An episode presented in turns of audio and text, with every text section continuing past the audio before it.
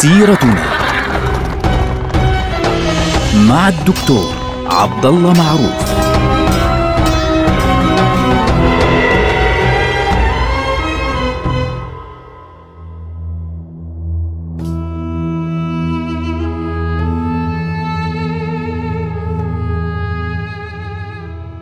السلام عليكم ورحمة الله وبركاته. سيرتنا سيرة هذه الأمة العظيمة، ونحن الآن في نهاية عهد الحملات الصليبية.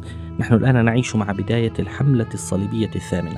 طبعا إخواننا وأخواتنا إحنا هاي المرحلة اللي هي نهاية الحملة الصليبية الثامنة أو قبل هيك حتى الحملة الصليبية السابعة والحملة الصليبية الثامنة وفي نفس الوقت بيكون في عندي حملات المغول في الناحية الشرقية وفي نفس الوقت عندي مرحلة دولة الموحدين في الأندلس وهاي الأحداث كلها بتمر مع بعض في نفس الوقت. لذلك إحنا صعب طبعا أن نتكلم عنها في حلقة واحدة هيك نجمعها أنه حدث كذا وكذا وكذا. فلذلك نقسمها أقساما الآن في الحملة الصليبية الثامنة بالفعل كانت الدولة الأيوبية قد انتهت حقيقة وبدأت الدولة المملوكية. طبعا إحنا الدولة الأيوبية تكلمنا عن وفاة نجم الدين أيوب في الحلقة السابقة اللي هي عن الحملة السابعة فعليا وكان فيها تحرير القدس تماما آه، من الاحتلال الصليبي. لكن بعد ذلك فعليا بدأت الدولة المملوكية في مصر بدلا من الدولة الأيوبية. ومن ناحية أخرى كان هناك حملة صليبية ثامنة أطلقها نفس لويس التاسع ملك فرنسا الذي قاد الحملة الصليبية السابعة. لذلك أنا حاب أني أتكلم في هذه الحلقة عن الحملة الصليبية الثامنة ثم سنتكلم لاحقا عن يعني الأحداث الأخرى اللي كانت متوازية تقريبا تمشي مع نفس الفترات اللي هي نفس فترة صلاح الدين وما بعده حتى نجم الدين أيوب ونهاية العهد الأيوبي اللي هي دولة الموحدين في الأندلس. هذه تكون في حلقة خاصة. ثم نتكلم عن المغول في حلقة أخرى يعني ابتداء من عندما ظهر المغول حتى دخولهم إلى بغداد ومن هناك نبدأ بعد ذلك بالحديث عن الدولة المملوكية. يعني بهذه الطريقة إحنا بنكون قسمنا المناطق المختلفة زمنيا قسمناها إلى حلقات وأحداث خاصة بحيث نركز في نفس الوقت على كل حدث من هذه الأحداث. طيب الحملة الصليبية الثامنة آه، أطلقها لويس التاسع ملك فرنسا الذي آه، سقط فعليا في الأسر في الحملة السابعة. يعني وقع في أسر الجند المصريين ولم يكن يعلم في ذلك الوقت أن الملك نجم الدين أيوب كان قد توفي وكانت التي تقود المعركة في المنصورة كانت زوجته شجرة الدر التي ذكرناها في حلقة ماضية. وبعد أن انتهت الحملة الصليبية السابعة إلى فشل ذريع كان لويس التاسع قد أسر في مصر ودفعت فرنسا مبلغا هائلا لهذا الرجل لكي يعني يخرج من الأسر. ويعود إلى فرنسا. الغريب أنه عاد إلى فرنسا وأصبح يعني استقبل استقبال الأبطال إن صح التعبير. يعني هذا يذكرني لاحقا بنابليون بونابرت الذي فشل بعد سنوات طويلة طبعا فشل في حملته على مصر وعلى عكا وفي فلسطين ثم بعد ذلك عاد إلى فرنسا فاستقبل استقبال الفاتحين غريب يعني أمر الفرنسيين أحيانا. المبدأ لويس التاسع فشل في هذه الحملة ولكنه استقبل استقبال الفاتحين في فرنسا وبدأ بعد ذلك يعد العدة للحملة الصليبية الثامنة. كانت هذه في تقريبا حوالين 1270 تقريبا للميلاد.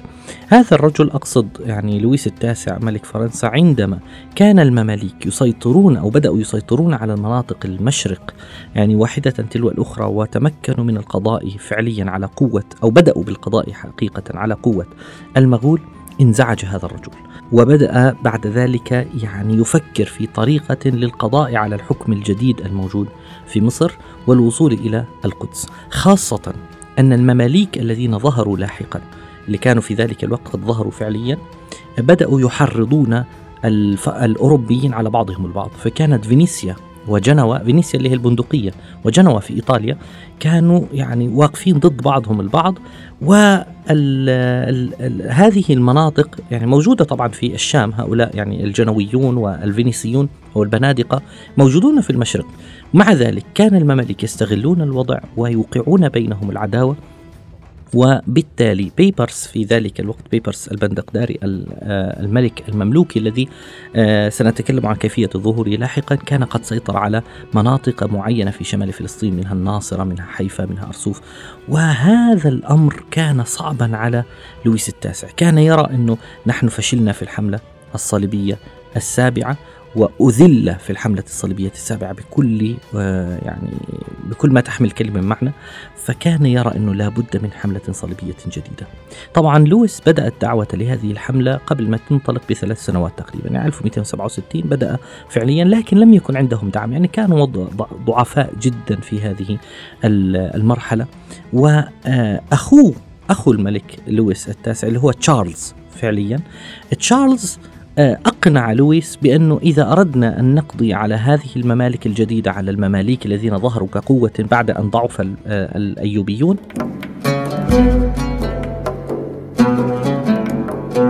وإذا أردنا أن نعود ونحتل بيت المقدس ونأخذ هذه المناطق يجب أن نبدأ من وين؟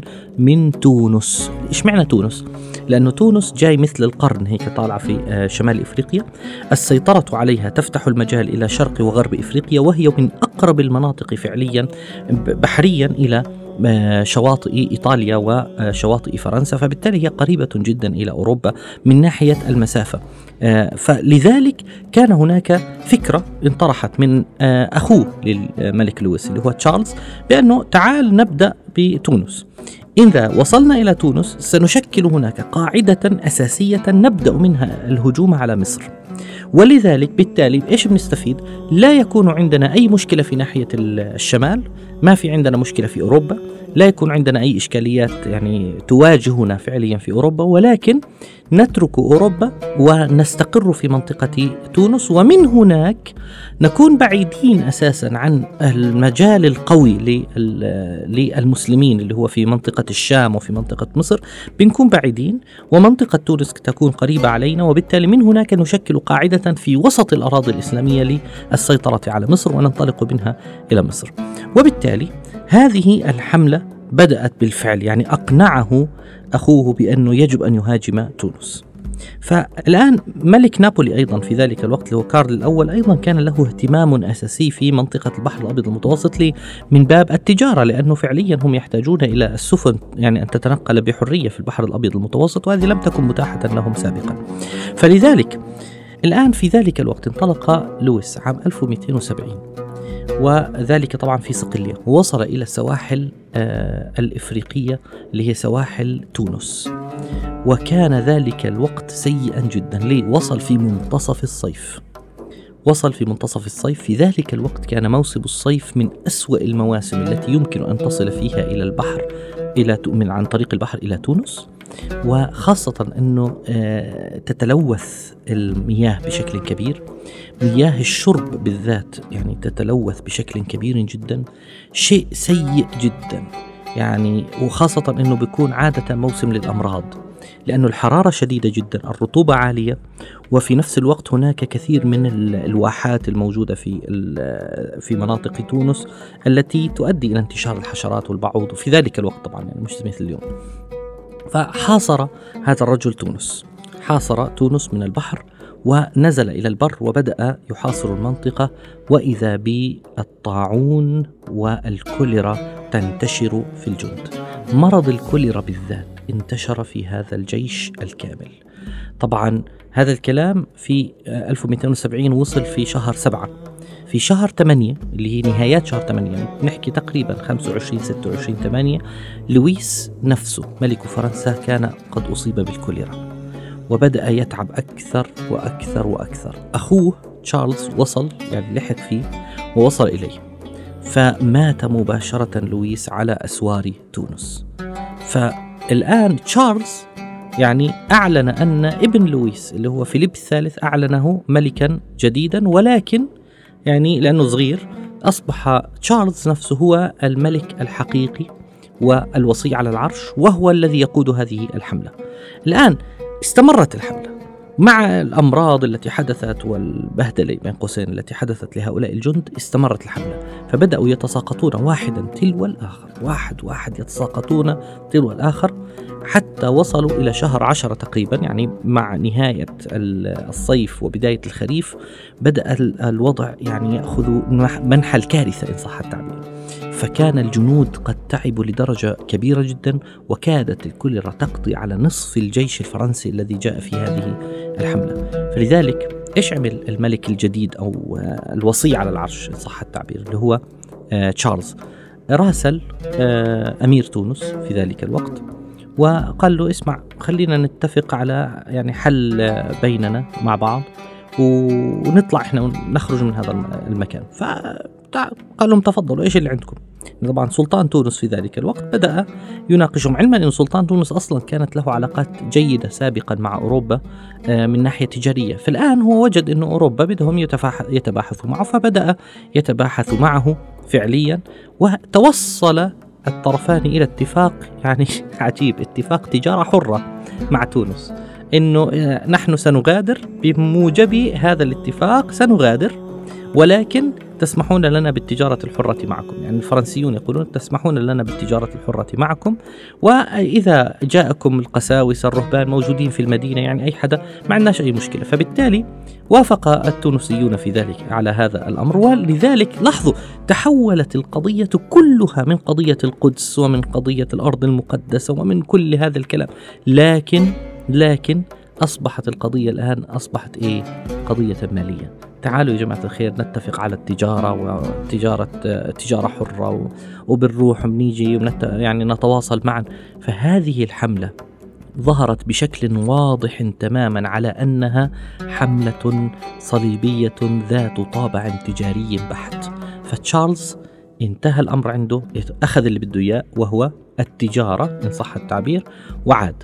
فملك آه إنجلترا في ذلك الوقت اللي هو الملك إدوارد عندما سمع بالخبر كان قد توجه أصلا يدعم هذه الحملة فغير طريقه وراح لعكا وحاول أن يهاجم عكا في ذلك الوقت. يعني بعضهم بيسميها حملة تاسعة لكنها ليست حملة فعليا تاسعة هي حملة محلية إن صح التعبير. حاولت أن تأخذ آه، عكا وتوجهت إلى إمارة طرابلس الصليبية نفسها. يعني توجهت إلى إمارة طرابلس مباشرة وحاول الملك إدوارد يعني أن يتواصل أيضا مع الموجودين في المشرق اللي هم المغول وغيره. المهم فشلت تلك المحاولات فشلت محاولة احتلال عكا في ذلك الوقت يعني على يد الملك إدوارد. وانتهت تلك الحملة. فالحملة الصليبية الثامنة بالنهاية انتهت إلى فشل ذريع لأنها تحولت عن أساسها. علما علما أن لويس التاسع آخر كلمة نطق بها كما تروي بعض الروايات كانت كلمة جوزلام القدس. يعني كان هدفه ديني لكن أخوه تشارلز كان هدفه مختلف تماما. كان يتكلم عن إيه؟ عن موضوع التجارة وعن غيره. فانتهت الحروب الصليبية فعليا أو انتهت الحملات الصليبية حقيقة. ولم يعد للصليبيين هذا الوجود القوي في المشرق وبدأ يعني نجمهم يخفت حتى سقطوا نهائيا بإخراج آخر جندي صليبي من طرابلس ومن عكا ومن صور في عهد الملك آه، قلاوون المملوكي. وبذلك تنقضي صفحة الحروب الصليبية. حروب طويلة جدا امتدت 200 سنة تقريبا. كان فيها يعني جنون جنون حقيقة. يعني يغذيه الهوس الديني بهذه الأراضي وبإلغاء الآخر وبترك الآخر للأسف الشديد. هذه الحملات الصليبية جديرة بأن تدرس وجديرة بأن نفهمها حقيقة وجديرة بأن نستوعب منها العبر العظيمة. نلقاكم على خير. السلام عليكم ورحمة الله وبركاته.